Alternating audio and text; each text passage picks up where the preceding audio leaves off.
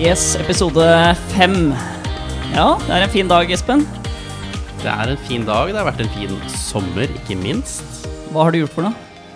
Ah, skal vi begynne? Eh, Da, da bruker vi mye dyrebar tid, tror jeg, hvis vi skal begynne å oppsummere hele sommeren. Men det vi kan konkludere med, er at det har vært fantastisk vær. Det har vært eh, mye bading. Det har vært eh, til tider opp mot 25 grader i vannet. Det har vært god stemning. Ja, nei, Det er knallbra. Nei, Det har blitt eh, bobilferie her. Det trodde ikke Espen på, faktisk, at eh, det hadde vært litt bobilferie. Men uh, også har det vært mye kamper og mye, mye gøy. Men det er jo ikke det vi skal snakke om nå. Hjertelig velkommen i studio, Stig Torbjørnsen. Tusen takk. Det er, eh, hva syns du om fasilitetene her? Det er helt fantastisk. Noe av det beste jeg har vært borti i forhold til podkast-gjengen, som er nå veldig voksne, men det ser veldig fint ut der. Og ryddig og pent og flott, så det var en fin intro. Ja, Og det lytterne ikke vet Og pene gutter, da. Pene gutter, Ja, ja, ja. helt riktig. Ja, det må man ikke glemme. Men det lytterne ikke vet, det er at Stig har vært treneren min. Det kan bekreftes, jo. Eh, 86 kull fra Nordstrand, som var eh, ganske talentfulle, syns jeg i hvert fall. Eh, jeg ble da henta inn der som en eh, dyrebar trener utenfra. Og så klarte vi vel å gjøre det ganske godt. Vi faktisk vant serien en gang eller to. Vi rykka opp i interkrets, som var det store på den tida der sånn. Og så spilte vi en semifinale som juniorspiller mot Odd på Niffen, eh, som det blir kalt. Så det husker jeg egentlig veldig godt. Og det var en super tid og veldig masse flotte gutter som, eh, som blei faktisk bedre under de åra vi holdt på. Så det var en super periode. Ja, det var eh, Og uh, treneren eh, var jo Stig, og kapteinen het Eivind Thoresen. Jeg hadde også min tvillingbror der, Espen Håber Nilsen, uh, på samme laget. De kaller dette glanstida i sin periode under fotballen, og Stig kom jo da som hovedtrener fra Kjelsås.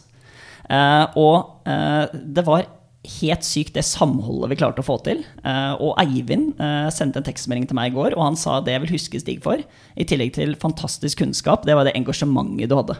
Det var helt rått. Eh, ja, jeg kan vel også bekrefte jeg var jo veldig, engasjert. Og så kom jeg inn i en, en, en jævlig fin gjeng.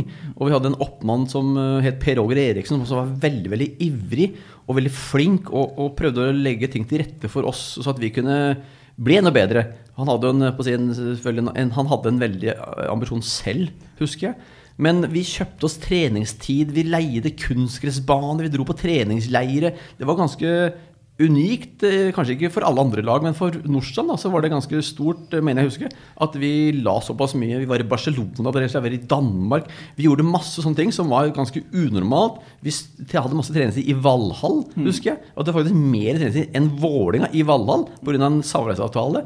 Så vi hadde ganske gode forutsetninger også, så det var ikke bare at eh, jeg var veldig veldig flink, eller at eh, det var veldig mange gode spillere. Men vi klarte å legge et opplegg, alle sammen, i, i sammen der, som gjorde at det blei egentlig veldig, veldig bra.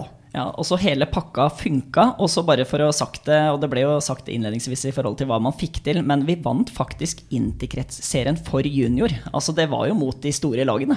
Jeg husker egentlig mange kamper. Jeg husker en kamp mot Lyn, som var da veldig store. Og de hadde en som het Kolo Hallit, som var henta fra Sverige. De hadde det panserlaget. Og så kommer, så kommer vi, tuslende i noe i, jeg tror Vi tok vel kanskje ikke T-banen, men jeg husker vi spilte på Kringsjø der, og de hadde et veldig godt lag. Og vi, vi vant mange av de kampene som vi egentlig ikke skulle vinne. Og vi spilte mot Vålinga, Lillestrøm, Lyn. Eh, Strømsgodset. Og så var det, det var én feil der. Nordstrand sto midt oppi der. Og vi faktisk vant òg. Så det var en eh, veldig, veldig flott og, og en super tid. Og vi var gode i tillegg, så det, Ja. det, det var en helt herlig tid. Ja, det er kult. Eh, Og jeg, jeg minnes jo faktisk eh, Ja, nå ble jeg ivrig, Espen. men, men det som er greia, er at eh, Stig av og til etter kampene så kunne han si hvem som var man of the match. Av og til liksom månedens spiller og sånne ting. da. Eh, Og min tvillingbror ble jo det sammen med en som heter Jonas Nordenhaug. Ble jo kåret til eh, liksom banens spiller. Og da fikk de begge en CD som het Dark Trance. Eh, er du fortsatt glad i trance, eh, Stig? Ja, ja, jeg, jeg er, nå er jeg blitt ganske gammel, men jeg digger fortsatt den musikk, og folk skjønner ikke helt hva jeg driver med uh, i musikkverdenen. Men det gjør jeg fortsatt.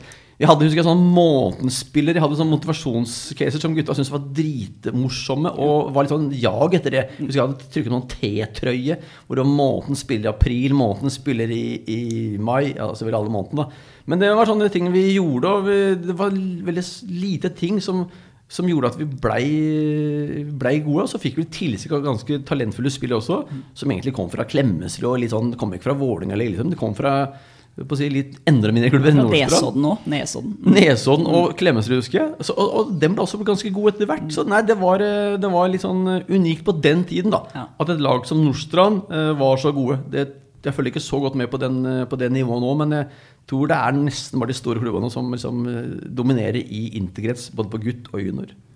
Ja, og det tror jeg går litt sånn i mm, perioder. da. Noen, plutselig så kommer det et kull som i en mindre gasjert klubb som får det til. Men det jeg egentlig er mest nysgjerrig på, er jo altså Fotball-Norge kjenner jo til fotballdommeren Ola Hobber Nilsen.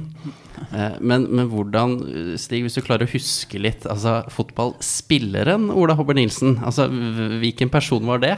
Fotballspilleren Ola Håber Nilsen han var en, en Jeg vil kalle det en potet. Han kunne spille høyre på i kampen, han skulle spille litt på midtbanen den andre kampen. Og så hvis han var venstreback, hvis vi hadde problem der, så skulle han spille der. Alltid blid og hyggelig og fornøyd, og kom alltid på treninga sammen med broren sin. Eh, og så mener jeg husker nå eh, at han ble litt feida ut av laget eh, på junioralder. Og så husker jeg han begynte å dømme noen kamper på treninga. Og da husker jeg reagerte veldig sterkt på at han var ekstremt god som dommer. Altså, han, han, jeg visste ikke om det overhodet. Og så plutselig han dømte noen annetlagskamper eller en juniorkamp eller hva pokker det var. Og så, så husker jeg sa til mange folk ja, men Se på Ola, han må jo bli dommer. Han er dritgod som dommer. Han er mye bedre som dommer enn fotballspiller. ja, ja. Og så feida han vel litt eh, fotballen ut, og så blei han da eh, toppdommer i Norge. Så det han var helt supert og flott, men han hadde et skjult talent som fotballdommer som ikke eh, noen av oss visste den gangen der. Nei, det er, eh, det er kult å høre, og jeg må jo innrømme at det stemmer. Selv om ambisjonene var veldig store. Og jeg hadde jo en tvillingbror som, som var et hakk hvassere, og, og det var så gode spillere på laget òg. Så det var, liksom, det var jo å akseptere den plassen man fikk, og klare å karre seg til en plass. Så, men eh, jeg husker at rundt junior der, spesielt når det begynte å nærme seg A-lag, at da, var da måtte man finne noe nytt å gjøre, eller akseptere at man, man har det gøy med fotballen og, og er i divisjonssystemet. Men bare, eh, fordi, fordi det er jo litt rart med så mange talenter på et fotballag, Stig. Eh, kollektivt så lykkes man jo eh, den gangen. Men, men det var jo egentlig ingen av gutta som lyktes, altså videre i fotballkarrieren. Nei, det husker jeg jo. Per Roger Eriksen, den nevnte oppmannen som trodde alle skulle bli proffer i England. han hadde en helt, helt en merkelig tilnærming til det. Og hadde ikke noe, egentlig noe gangsyn på det, og hadde ikke noe oversikt over hva som krevdes. Og han, jeg husker han sa at han spurte meg hvor mange blir tippeligaspillere her, Stig? Nei, antakeligvis ingen, sa jeg. Hva, sa han? Jeg trodde, han trodde alle skulle bli det. Men sånn var det jo ikke. Det var bare én, Cato Vonheim. Han fikk eh, A-lagskontrakt med Lyn. Nemlig. Og begynte på om det da ble Vang eller NT NTG, var vel det sikkert. Jo. Det var vel den, han som kom høyest, tror jeg. ja, Og så var det en som het Mahmoud, mener jeg. Som, eh, som Mahmoud El Hai, som var en, uh, et fysisk monster og en uh, hardtskytende spiss. Som var litt gal innimellom. Han fikk litt mange røde kort. Men han også tror jeg spilte i Kristiansund. Ja. Eller uh, Han var innom Moss også. Eh, et eller annet sånt, Så han også fikk en ok karriere der. Men de fleste, som det generelt er i fotballverden, man er veldig gode som eh, smågutt, gutt og junior, og så begynner skolen, og så blir det, en utdannelse, og så, og så blir man litt fade ut. Men du da, Ola, du klarte jo faktisk å komme lengst av alle. Ja, ja. Ikke som spiller, men som dommer. Måtte gå bakveien. Nå fant jeg det ut av det.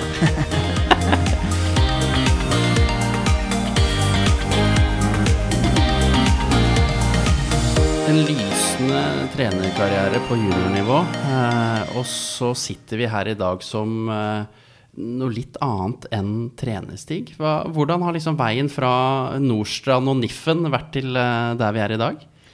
Den har vært eh, egentlig veldig fin for min egen del, og interessant og fin og flott på alle mulige måter. Det begynte jo da, kan du si Det begynte vel ikke med Nordstrand, for jeg, hadde jo, jeg er fra Kjelsås egentlig. Jeg trente noe lag der først. Sånn og sånn. Jeg tok et C-trenerkurs. Og så trente jeg vel Manglerudstar og litt sånne ulike ting. Og så kom Nordstrands-epoken, som var en veldig veldig fin periode. Og i, i sluttfasen av den trenerkarrieren der så ble jeg spurt av Vålerenga om jeg ville begynne å speide litt for de. Eh, jeg vet ikke helt inngangen til det, men det var da Kjetil Rekdal trente dem. Og Kjetil Siem var ved roret. Eh, Andreas Holter og Petter Myhre trente juniorlaget. Vi var jo egentlig på samme nivå som juniorlaget deres, men vi slo dem faktisk i, i noen seriekamper. Og jeg tror også vi slo dem i kvarten av den berømte NM-kampen. Så hvordan Hva som gjorde at gjorde, spurte meg om en sånn speiderjobb, det klarer jeg egentlig ikke å svare på. Men i hvert fall, de spurte meg, legenden Trond Hoftvedt og øh, ikonet Leif Eriksen om vi tre ville bli speidere, scouts, for Vålinga. Og det blei vi en halv sesong. Og etter det så bakka Trond ut, og Leif syntes det var litt, øh, litt langt å reise. Så da ble det egentlig jeg som hoppa inn i det der der. Og så da husker jeg Geir Bakke sier til meg du, han der, Det er en agent her. Lars Petter Fossdal han driver og maser hele tida om noen spillere hit og dit. Kan ikke du snakke litt med han, da? Så snakka jeg en del med han. En superhyggelig og fin fyr. Og han, øh, så fikk jeg liksom litt mer kontakt med han enn med Vålerenga. Og da hadde jeg, jeg husker ikke egentlig hvor det var, men jeg tror ikke jeg hadde noe engasjement fra Vålerenga. Det var helt, sånn helt i startfasen. Og så spør Lars Petter Fossland meg Du, fader, du virker som du kan dette her. og sånn, og sånn. Kunne du tenkt deg å reise til Afrika for meg, eller? Jeg hadde aldri vært i Afrika. Jeg visste ikke hvor det var. Jeg måtte gå hjem og sjekke Globusen. Hvor, hvor, hvor var Afrika? Trodde Afrika var et land, jeg. Det var det jo ikke. Det var en verdensdel med 54 ulike land. Men han lurte på om jeg kunne reise en tur til Sør-Afrika. Jeg hoppa på det fly og dro til Sør-Afrika. Og kom hjem med to spillere. En som heter Tony Leko, som da fikk kontrakt i Brann. Og en annen spiller som, eh, som het Makbet Sibaya, som fikk kontrakt i Rosenborg. Og da fikk jo Lars Petter Fossdal helt vann på mølla og lurte på om jeg kunne ta en tur til. Ja, det, Og det syns jeg var gøy også, så jeg sa ja, det kan jeg vel. Hvor, hvor går ferden nå? Elfenbenskysten. Der hadde han hørt at det var noen gode fotballspillere, og der hadde han en et eller annet tips på en spiller. Jeg dro dit. Det var noe helt annet enn eh, Sør-Afrika. Men allikevel, jeg kom tilbake med en, eh, en spiller som heter Røde-Raoul. Han het vel ikke det, men han ble kalt Røde-Raoul. For han fikk vel fire røde kort i løpet av en sesong. Raoul Kouakou, som da havna i Sogndal. Sogndal hadde ni poeng til ferien. Sogndal henta inn Raoul Kouakou og Marco Reda fra Canada. Og da blei døra låst i Forsvaret, og de havna på 3-34 poeng og overlevde. Og så begynte ballen å rulle, og jeg reiste mer og mer til Afrika. Og kom tilbake med noen spillere. Så ble Lars Petters firma, firma kjøpt opp av Rune Hauge. Og så ble det enda flere afrikanske spillere. Eh, Blant annet Sumen Choi, som jeg tror kanskje noe av det beste jeg har funnet. eh, Som hadde en strålende karriere i Stabekk. Det kom veldig mange afrikanere. Sogndal hadde fire stykker på det meste. Eh, og så hadde jeg en prøvespiller, eller jeg, vi, jeg, kall det hva du vil. En som heter Yusuf Kone, som, han var, som vi prøvde oss på prøvespill til Rosenborg. Og da var jeg med de på Gran Canaria med denne prøvespilleren Yusuf Kone. Og Per, per Messias Jeg kaller han alltid Per Messias. Det er et fantastisk navn. Per Messias Høgmo var trener her, og da spurte Rune Haug, Nei, ikke Rune Hauge. Rune Bratseth og Per om jeg ville jobbe bare for de. Og det syns jeg var selvfølgelig kjempespennende. Rosenborg eh, er fortsatt eh, for meg da den største klubben, og var da enda bedre enn de er nå. Så jeg fikk tilbud om å bli heltidsspeider for de i 2005 eller 2006. Og det syns jeg var så spennende at jeg takka ja til. Og det varte da i ti år. eh, og det er masse som har skjedd på de, ti, årene der. Jeg klarte jo da å få med meg et Champions League-spill, eller gruppespill. Siste gang de var det, var i 2006.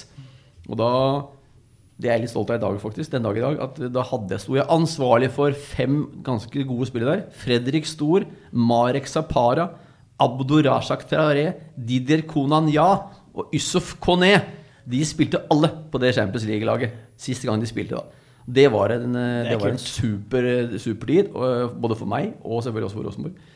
Og så var jeg der i ti år, eh, og det var mange Jeg kan ikke gå inn på alle de spillerne, for det- jeg husker ikke alle engang. Men det var veldig mange spillere, og det var en super tid. Men, men da i 2005 eh, blir ansatt i Rosenborg eh, som speider eh, heltid. Hvor, hvor på en måte unikt var det i norsk målestokk å på en måte være en speider og, og være ansatt i en klubb som speider? Nei, det var vel egentlig veldig unikt, eh, hvis man skal bruke det ordet unikt. Det var, Jeg var jo da den første som blei ansatt som speider. Det var vel ikke noe, det var ingen som hadde hatt speider. Speidervirksomheten var jo helt, det var, den var, eksisterte ikke i Norge overhodet. Men så kom jeg inn da som et frisk buss der med den eh, ganske gode CV-en jeg hadde via det agentfirmaet. Og så blei da, da fikk jeg litt, ble blei litt profilert på det. Og så lå jeg jo bak en del gode spillere, som jeg nevnte i stad. Og så blei det en veldig bra case for meg. Og så øh, kom jo flere litt sånn etterpå etter hvert med noen sånne type ting. Uten at noen tok det helt ut. Men Jon Vik, da, som øh, en god kollega av meg, han da fikk jobbe i Molde. Jeg har ikke helt eh, orden på når det var, men det var nå litt etterpå. Og han jobber fortsatt den dag i dag for Molde. Så det er vel egentlig bare Molde og Rosenborg som, som har hatt en sånn en seriøs eh, inngang på scouting, da. Eh, så det, det, ble, det var helt nytt. Jeg kom inn der og gjorde en, en god jobb. Det, altså, det er ikke at jeg er helt, helt et unikum, man har alltid litt flaks også. Men jeg hadde både tur og litt uh, dyktighet og litt flaks som gjorde at jeg fikk en veldig god rekord i, i Rosenborg. Ja, for det er man jo avhengig av òg. Altså, det motsatte hadde jo vært helt krise her. Eh, Det hadde vært helt krise, da hadde jeg selvfølgelig ikke jobba med det her nå i dag. Eh, Men det var inngangen min, og den lykkes jeg godt med. Eh, Takk og pris for de afrikanerne, egentlig. Og at en spiller som Marek Zapara, da, som kom og egentlig frelste mange rein, rein, reinspikka trøndere, elsker også Marek Zapara, som kom fra Slovakia. Og det var en spiller som jeg veit mange satte veldig stor pris på. Så man traff med han, da, som var så god og populær, det gjorde at man da fikk enda mer tillit. Og så kom det flere og flere spillere etter hvert. Og jo flere spillere som lykkes, da jo mer tillit fikk jeg, og så ble det et veldig veldig flott forhold. Så ja, det, det var en, helt avhengig av en god start. Hadde jeg kommet inn med tre spillere som ikke hadde fått kontrakt, eller de hadde henta dem og floppa, så hadde jeg selvfølgelig ikke fått den jobben eller hatt den karrieren jeg har i dag. Da.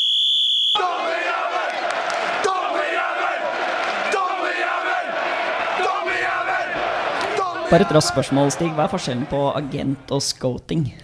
Det er ganske stor forskjell. En eh, speider eller scout han jobber kun for eh, sin egen klubb. Og den viktigste jobben han gjør, er faktisk å si nei til fotballspillere. For det er så mange tips og råd og vink som kommer inn, og noen må sortere det. Så han jobber kun for klubben. Viktigst, viktigste er å si nei, men selvfølgelig det er å prøve å finne fotballspillere til klubben sin. En agent han har klienter, og det er fotballspillerne. En agent han prøver da å selge sine spillere litt rundt omkring, eh, og har bare fokus på sine spillere. Så han eh, har ikke noe forhold til om det er Vålerenga eller Brann eller Rosenborg som da skal bli gode eller dårlige. Han bare tenker på sine spillere. Ja, men Greit, da, da lærte man noe nytt. Og som du nevnte innledningsvis her i stad, så er det jo selvfølgelig gode agenter, men hovedjobben deres er jo å gjøre salget. De tjener penger på å omsette fotballspillere. Og så er det noen da som har magamål, og så er det noen som ikke har så godt magamål. Og så er det mange gode tips, og så er det mange dårlige tips. Og så er det mange agenter som faktisk, mest utlendinger, prøver å liksom lure inn noen spillere som egentlig kanskje ikke er gode nok, men de håper at ikke klubben vet hvem det er. Og derfor er det godt å ha en speider som faktisk sitter og er et filter der, og som kanskje har god oversikt. Det gjør at man minsker, minimaliserer bomkjøpslista noe helt radikalt med en speider. Interessant. Fordi feilansettelser er jo dyrt uansett hvilken bransje man skulle være i. Så, men uh, veien videre nå, Stig. Er vi fra etter Rosenborg, hvor er vi nå? Ja, nå Ja, vi, vi er jo på en måte Rosenborg, da. Vi er i Rosenborg, og vi runder av der i 2015, var det vel. Uh, vi runder av der, ja. Og da fikk jeg en jobb i Udinese, uh, egentlig veldig veldig hurtig etterpå. Den jobben har jeg den dag i dag. Dekker det skandinaviske området for Udinese og reiser noen ganger til Afrika fordi de vil jeg skal se på noen spesifikke turneringer. Og så var jeg et år i Wiborg. Uh, havna der eh, fordi jeg kjenner ganske mange folk. eh, ja, ikke sånn i hele verden, men i hvert fall i Skandinavia. Men dessverre så rykka Wiborg ned fra da det het SAS-ligaen til førstedivisjon. Uh, og da, den, på den våren der, i den våren der, så fikk jeg da kontakt med IFK Norrköping. Og det var jo veldig god timing, fordi vi bare rykka ned, og jeg kom i kontakt med de, og han spurte om noen spillere, og da fant de ut at ja, men Stig, hvis de rykker ned, da kan du begynne å jobbe for oss. Og det gjorde jeg i 2016, er vel, nei 17 har vi da, 17, og det, den jobben er også da fortsatt i dag, har forlenga den avtalen to ganger, er det vel. Og det er altså en super klubb å jobbe for, og kombinasjonen Udinese-Norrköping er egentlig veldig, veldig fint, fordi det er ikke noe det er ikke noe konflikt med hverandre. Nei. Norrköping eh, jakter spillere selvfølgelig over hele verden, de også, men de har jo en helt annen lommebok, og det er begrensa hvem som havner i, i Norrköping. Mens Udinese de skal bare ha de aller, aller beste, og de spør om de aller, aller beste. Og de kan kjøpe spillere for alt fra 5 til 50 millioner kroner. Udinese er eid av en som heter Gino Posso, eller Posso-familien. Og de har vært ekstremt gode på kjøp og salg av spillere, og tjent tonnevis med penger på akkurat det. Okay. Så de har 15 eller 16 sånne som meg. Eh, Vi har et system vi logger ut og inn på, og der skal vi legge noen navn og sånn og sånn. Så vi er 15 eller 16 stykker, og de er alt fra den ene bor i Peru, og den andre bor i Argentina, og jeg er i Skandinavia, og den type ting, da. Litt morsomt at Alexis Sanchez, som de kjøpte en gang, eh, han solgte vel han til Barcelona for 300 millioner kroner, og kjøpte den for 10 eh, fra Chile. Og han har gjort mange Det er den desidert største dealen han har gjort, da. Men eh, han, er, han er opptatt av scouting. Og har tjent da igjen masse penger på å hente gode spillere fra helt ulike verdenshjørner. Og formerte i Udinese. Og så har han solgt dem videre, med stor profitt. Ok, kult. Er, eh, så man kan gjøre god business på kjøp og salg, med andre ord. Eh, helt utvilsomt. eh, Og jeg hadde et, eh, si, et innlegg i Norges Fotballforbund i går, eller for dem. Og jeg sa det er, altså, det er to ting en fotballklubb kan tjene penger på utover et vanlig budsjett. Altså det er TV-penger, det er billettinntekter, og det er noen sponsorer. Det er ganske gitt hvert år. Men om en fotballklubb skal tjene noen ekstra penger, da er det kun to ting det kan gå på. Det er å kvalifisere seg til e-cupspill eller spirresalg. Så for meg, og det er min fanesak hvert eneste gang jeg snakker i det offentlige rom, jeg fatter ikke og begriper hvorfor ikke flere klubber ansetter en type som meg. Ikke nødvendigvis meg, men en sånn figur da, som faktisk kan hjelpe klubben på å minimalisere bomkjøp, og i tillegg da hjelpe til med å finne noen gode spillere som da kan generere en god del penger. Nei, det er spennende. Eh, Er det, noen, er det noen klubber i Norge du vil trekke frem som har overrasket positivt, uten nødvendigvis å ha hatt kompetansen med seg? Nei, jeg kan ikke si det. Jeg, jeg syns Molde har gjort masse gode kjøp. Eh, De har jo basert seg mest på norske spillere, liksom, men har kjøpt de ganske dyrt. Men igjen, de har solgt for mye penger, og de nå spiller e-cup i kveld også. Så de har jo også dokumentert at de får igjen eh, masse penger for de spillerne de henter. Nødvendigvis ikke bare utlendinger. Ellers så er det veldig sånn Det er veldig ustrukturert. Og det er veldig få klubber som har gjort noe. Sarpsborg har en på noen prosent. Fredrikstad har en på prosent. Molde har en i fulltid. Brann har brukt Per Ludvigsen noen ganger innimellom. Odd har ansatt en kar, forsto jeg nå her i våres. Husker ikke navnet hans, beklageligvis. Så noen gjør jo noe, men det gjøres altfor lite. Og jeg fatter ikke igjen at de ser på det som en ren utgiftspost. Altså, det er helt feil tankegang i min bok. Nei, det, er, det er interessant å høre, og lærerikt. Og det her, her er det jo mange lyttere som både er trenere og dagledere, så det er bare notere ned. Ja, det tror jeg er nøkkelen. Og så ser du jo gjerne Det er jo flere klubber nå som eh, har på en måte vært flinke til å få opp akademispillere eh, i egen klubb og selge ut det, men, men man kan kanskje ikke bare livnære seg på egenutviklede spillere, men man er kanskje nødt til å finne disse eh, diamantene som alle er på jakt etter da, for, eh, for videresalg. Eh, man klarer ikke å overleve på kun norske og egne spillere. En annen ting som jeg spiller inn i det du sier der, er at uh, i dag er scoutinga så sterk og så stor i, fra utlandet at når det har vært én god kamp på La Manga, så henter Brygge, Sheffield United, Everton eller Herenfen De henter en spiller som er 15, 16, 17 år. Da er han ute før han har kommet opp på juniorlaget til den respektive klubben i Norge. Så det å basere seg på at det, det kule der, dem er så gode, det blir blitt når dem kommer på A-laget. Nei. Av de seks er det kanskje to som kommer opp, to slutter, og to har gått til PS Weindhofen. Så det, det er lov å planlegge, ja, men fotballen er i dag eh, Den forandrer seg selvsagt, men i dag, hvis det er en, en god, ja, god kamp på La Manga, da, for å bruke det som et godt eksempel, så er man ute av klubben. Så man er helt prisgitt og avhengig av at man har utlendinger på laget. Og det er også en annen debatt av hvor mange utlendinger skal man ha. Men jeg tror Fotball-Norge og fotballklubbene i eller fotball, Det er for få gode fotballspillere i Norge til at gode lag skal basere seg på å komme ut i Europa med kun norske spillere, og igjen da kun fra egen junioravdeling. Det, det er helt utenkelig. Stabæk er ganske gode på det, men du ser de selger mange gode spillere før de nesten har slått gjennom barlaget. Og nå har de vel en ja, nå har de mange gode på gang nå igjen, og det drives, det drives veldig godt der ute. Men det er jo mange som har gått ut også, ganske tidlig. De har fått penger for det. Men igjen, vi ser i dag A-laget til Stabæk er liksom begrensa hvor godt det er. Det kan, kan man bare se på tabellen, da. eh, Hvordan de ligger an. Så det der eh, må man ha, klare å tenke to tanker faktisk som klubbleder eller som klubb. eh, Og det er innkjøp av spillere, og kanskje utlendinger. Og da selvfølgelig eh, produsere og ha et godt akademi. Jeg skjønner.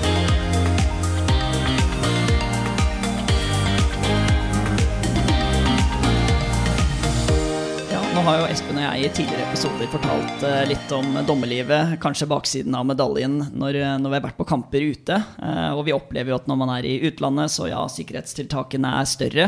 Men, men og selvfølgelig så vil dommerprestasjonen være med på å påvirke hvordan temperaturen blir også, men ikke alltid. Det vi lurer på, både Espen og jeg og, og lytterne, er har du, Stig, opplevd ubehageligheter i forbindelse med jobben din? Ja, ikke sånn direkte ubehagelig som dere får jo mye kjeft og tyn og kanskje skal tas fordi dere har gjort en eh, på å si, i deres øyne en dårlig, dårlig prestasjon. da. Så Sånn har ikke jeg opplevd eh, på min måte, men jeg har jo reist veldig mye i masse rare ulike land. Og Afrika som jeg sa, det er jo ikke et land, men et kontinent. Og der har jeg vært i mange, jeg har vært i faktisk i 24 ulike land av de der. Men jeg havna jo i en borgerkrig en gang i Elfenbenskysten. Og da følte jeg meg ikke sånn veldig høy i hatten. Uh, de var ikke ut- selvfølgelig ikke ute etter meg, men det var en veldig ubehagelig opplevelse. Uh, det dere opplever, er at, dere, at de er ute etter dere, så dere kan dere føle veldig trua. Jeg følte meg ikke veldig trua da, for det var liksom en, rebellene tok inn og, og tok en by, Boaké. Og, og det blei en borgerkrig, og den varte i mange, mange år. Men jeg følte jo ikke at de var ute etter meg. Men når du våkner en morgen og setter på CNN, og det står 'Civil War Ivory Coast', og du tenker ja, men det er jo, det er jo her jeg er. Og, og du hører det er, sånn, eh, det er faktisk skuddsalver og helikoptre når du åpner verandadøra og titter ut. Da var jeg litt usikker. Og min Min ivorianske agentvenn da han ringer og, og sa at jeg må, jeg, må, jeg må ikke forlate hotellet. Jeg måtte inntil lende hotellet, for det er krig. Da blir man litt nervøs, uten at jeg følte at det var noen som skulle komme inn og skyte meg. da. Og, det varte jo ganske lenge, den krigen der. Men jeg kom ikke ut av det landet eh, før eh, etter ti dager, fordi de hadde jo tatt flyplassen. Så det var bare å smøre seg med tålmodighet og, og bare være på hotellet. Fordi det ble også da portforbud. Og det var ikke så ille i Abidjan, den byen jeg var i, som det var eh, da i nord, eller Bouaké, som den byen heter. Eh, Og, og det rare er at det skjedde faktisk noe etterpå. Når jeg kom dit en gang, så skjedde, skjedde det i en litt mildere form, men da, så, opp, da opplevde jeg akkurat det samme. Det, det er vel noe av det verste, og jeg har vært sånn å si, det høres veldig ille ut, da, men jeg var ikke sånn, følte meg ikke veldig trua på livet selv. Man har jo vært i ulike settinger, om, om det er utafor fotballen, da, eller kanskje ikke på stadion, hvor det, det er, de er Du skjønner at her blir det bråk. Og så vet du at et menneskeliv der nede det er ikke så mye verdt som det er her hjemme. Og det er patruljering i gata, og det er maskingevær, og det er militære. Så da, tenker man ah, Skal jeg ikke bare drite i den høyrebekken, da? Eller skal jeg, skal jeg, eller skal jeg ofre livet for det, liksom? Så ja, da man har fått litt rare tanker noen ganger, spesielt da i Afrika. Ja. Men, men det er stort sett bare der. Eh, Jeg har vært overalt i verden egentlig, så det er kun der jeg opplevde sånt hvor man føler seg litt, litt trua, da. Og jeg har vært en del i Mali og Burkina Faso òg. Og nå ser man hvis man er i Bamako i Mali, så er det ikke det så veldig fint å være der. Og da ser man at der går det nå ofte inn noe noen noe patruljer som liksom tar folk, og de går på turister, og de går på hoteller og smeller og bomber inn i og ned òg. Så man skal være litt forsiktig med å bare reise. Jeg har jo vært totalt uredd og ikke tenkt så mye på det. Men eh, jo eldre man blir, jo mer eh, leser man og mer informasjon får man. Så jeg tenker meg litt om nå. Jeg ofrer ikke liv lenger for å finne en eh, defensiv midtbanespiller i, i Mali. Jeg gjør ikke det. Også. Nei, fordi det som slår oss, er at jeg tror det er mange som hadde blitt veldig redde i en sånn situasjon. Og så har du jo tatt kalkulert risiko, vil jeg anta. Ja, jeg har jo forstått det, men jeg var så heldig at jeg på den første turen til, eller den andre turen til Elfenbenskysten, så traff jeg en svensk-ivrianer som var fotballagent. Helt tilfeldig så traff jeg han. Eh, og han var stor og sterk og sort og kunne alle språk. Og han gikk liksom, jeg gikk alltid bak han, litt bak han, og gjemte meg bak han. Så han var jo murbrekkeren til alle mulige ting vi skulle til ulike land. Så kunne jeg liksom bare, Han fiksa billetter, han ordna ditt, han ordna datt. Han visste hva Der kan vi gå, der kan vi ikke gå. Det var en, sånn, det var en trygghet å være med han, faktisk. Men når du er da i, Afrika og ser gjerne en turnering, eh, lokal kamp eh, Dommerne der nede, da? Dommerne er det fryktelig stor variasjon på. Men eh, det, det mest morsomme gang jeg så, var at det, det var en eh, linjemann som gikk med en kvist. Eh, han hadde ikke noe linjeflagg, han hadde en kvist som han gikk med. Det syns vi var litt morsomt, Ja. for det hadde jeg ikke sett før. Var, var det noe blad på den quizen, da? Det klarer jeg ikke å huske, faktisk. Jeg tror ikke det var det. Men det husker jeg var en ganske funny ting. Og så er det to-tre ting som jeg, eh, som jeg reagerer på hver gang jeg er der. Det er eh, Man vet jo at det er veldig mye korrupsjon blant dommerne der.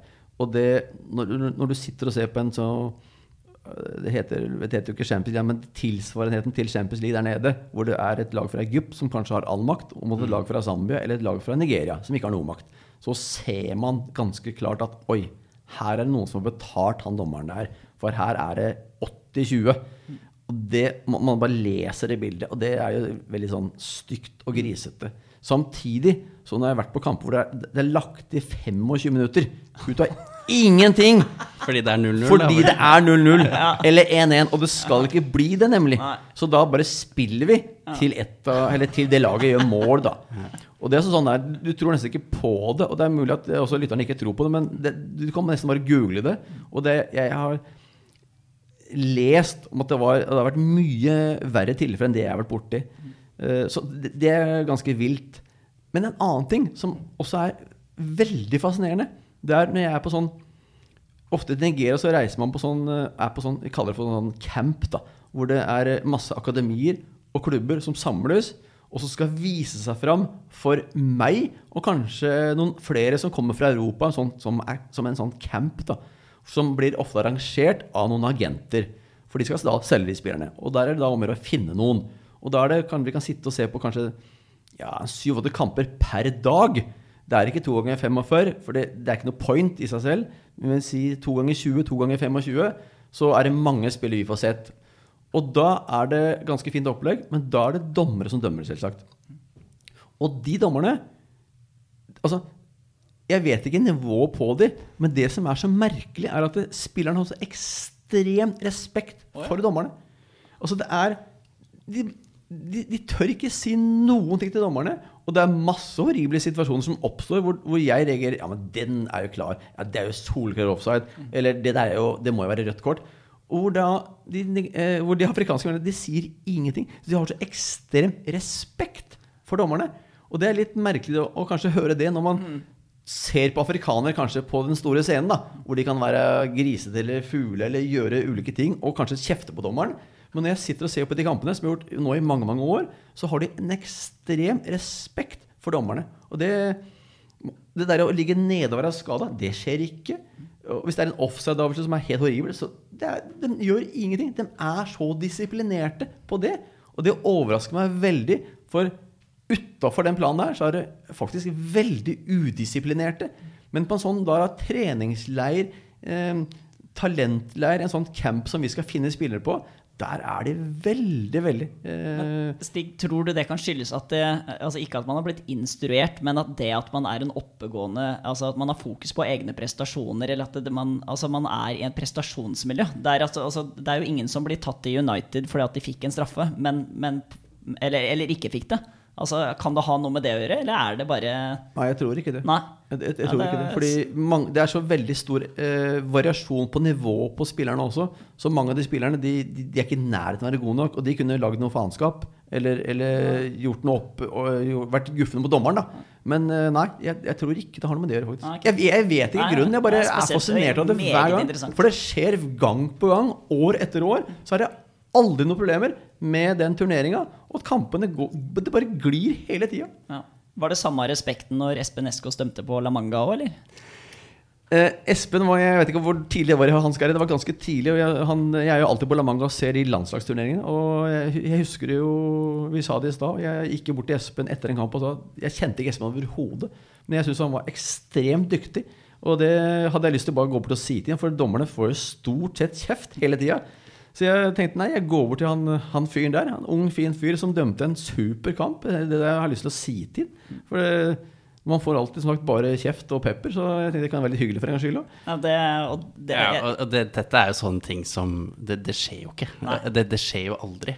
Så, så på en måte når, når noen kommer til deg, så er du jo Du er jo vant til da å få på pukkelen, ikke sant? Så du blir jo veldig satt ut når noen faktisk eh, oppriktig og genuint eh, skryter av prestasjonen din. Og, og eh, det tror jeg bare eh, til alle lyttere og, og til alle der ute òg, at på en måte det Har du sett en god prestasjon av en dommer, så tror jeg han eller hun hadde satt veldig pris på å høre det. Det, det var jo litt eh, snakk om nå i EM da, at det var mye gode dommerprestasjoner. Fordi det var, det var, var litt borte, og den lot spillet gå litt mer. og sånn, Så det var jo mye, fly, mye mer flyt i kampene under EM enn det det har vært i mange ligaer nå pga. den VAR-gjengen. da.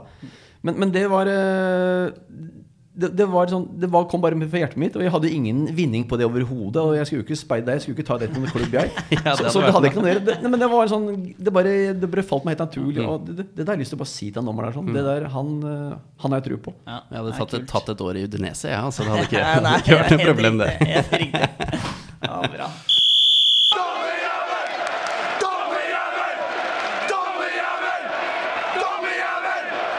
Som eh, for oss, Stig, så har det jo vært en spesiell eh, periode eh, vi har vært igjennom. Det har vært perioder med veldig lite aktivitet, og så skal jo vi, Ola, være så eh, åpne og si at vi har vært heldige òg. Altså fotballen, i hvert fall på toppnivå i, i Norge, har jo på en måte rullet og gått.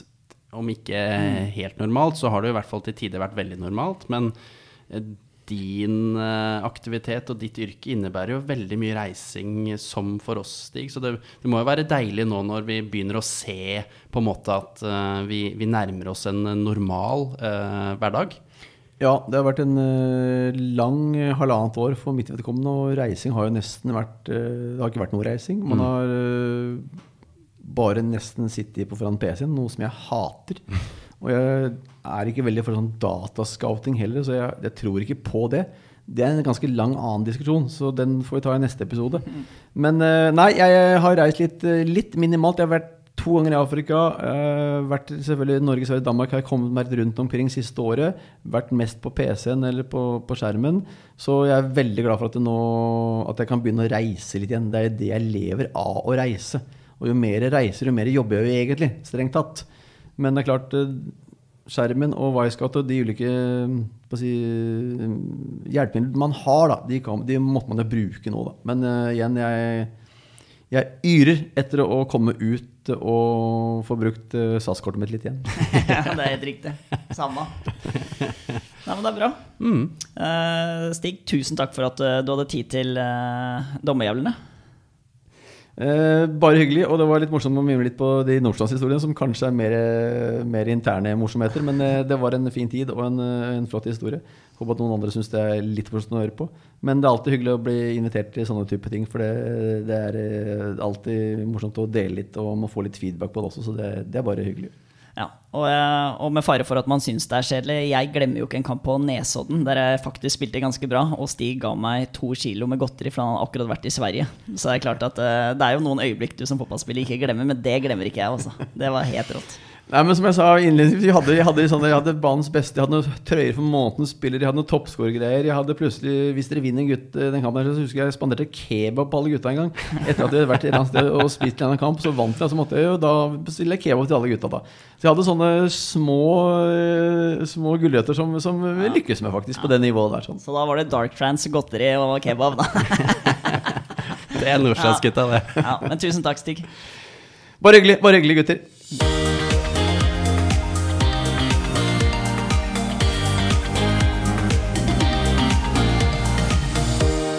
Interessant, Espen. Lære litt om uh, nye fagfelt. Fotballen favner mange interesser og yrker.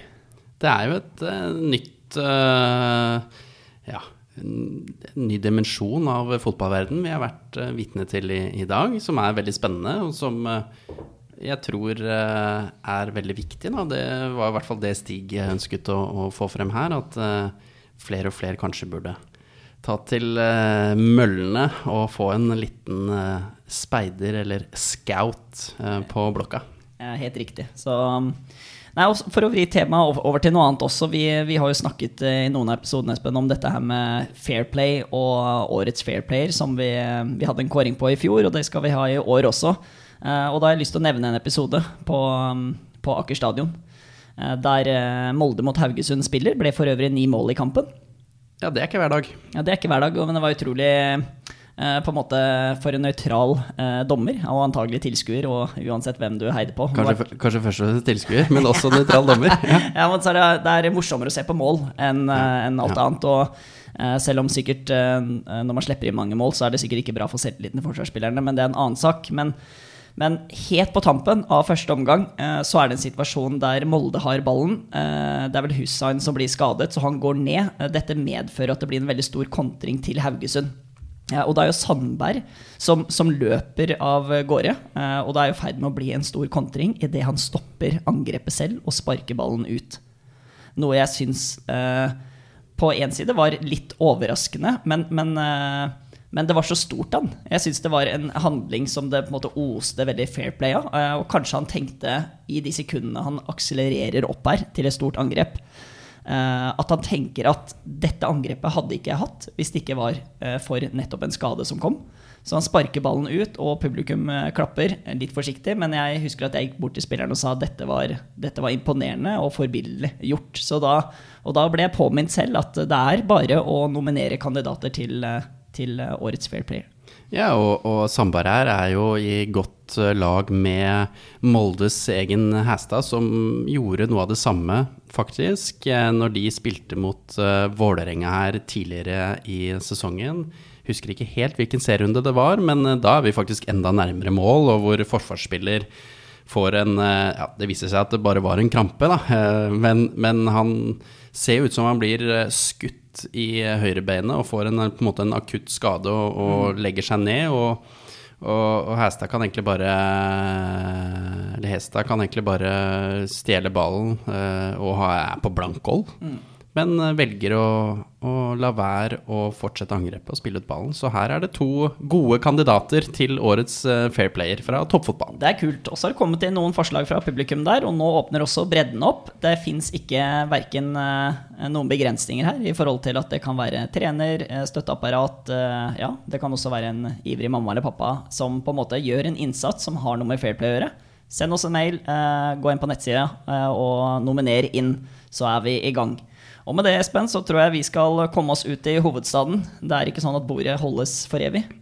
Nei, lunsjen uh, er jo allerede over på lekteren, men uh, ny bordsetting er nå klokka fem. Så vi rekker på en måte en liten aperitiff før uh, kanapeer og biffer kommer på bordet, så dette blir meget bra. Lekteren andre etasje, om du har vært der. Kjør.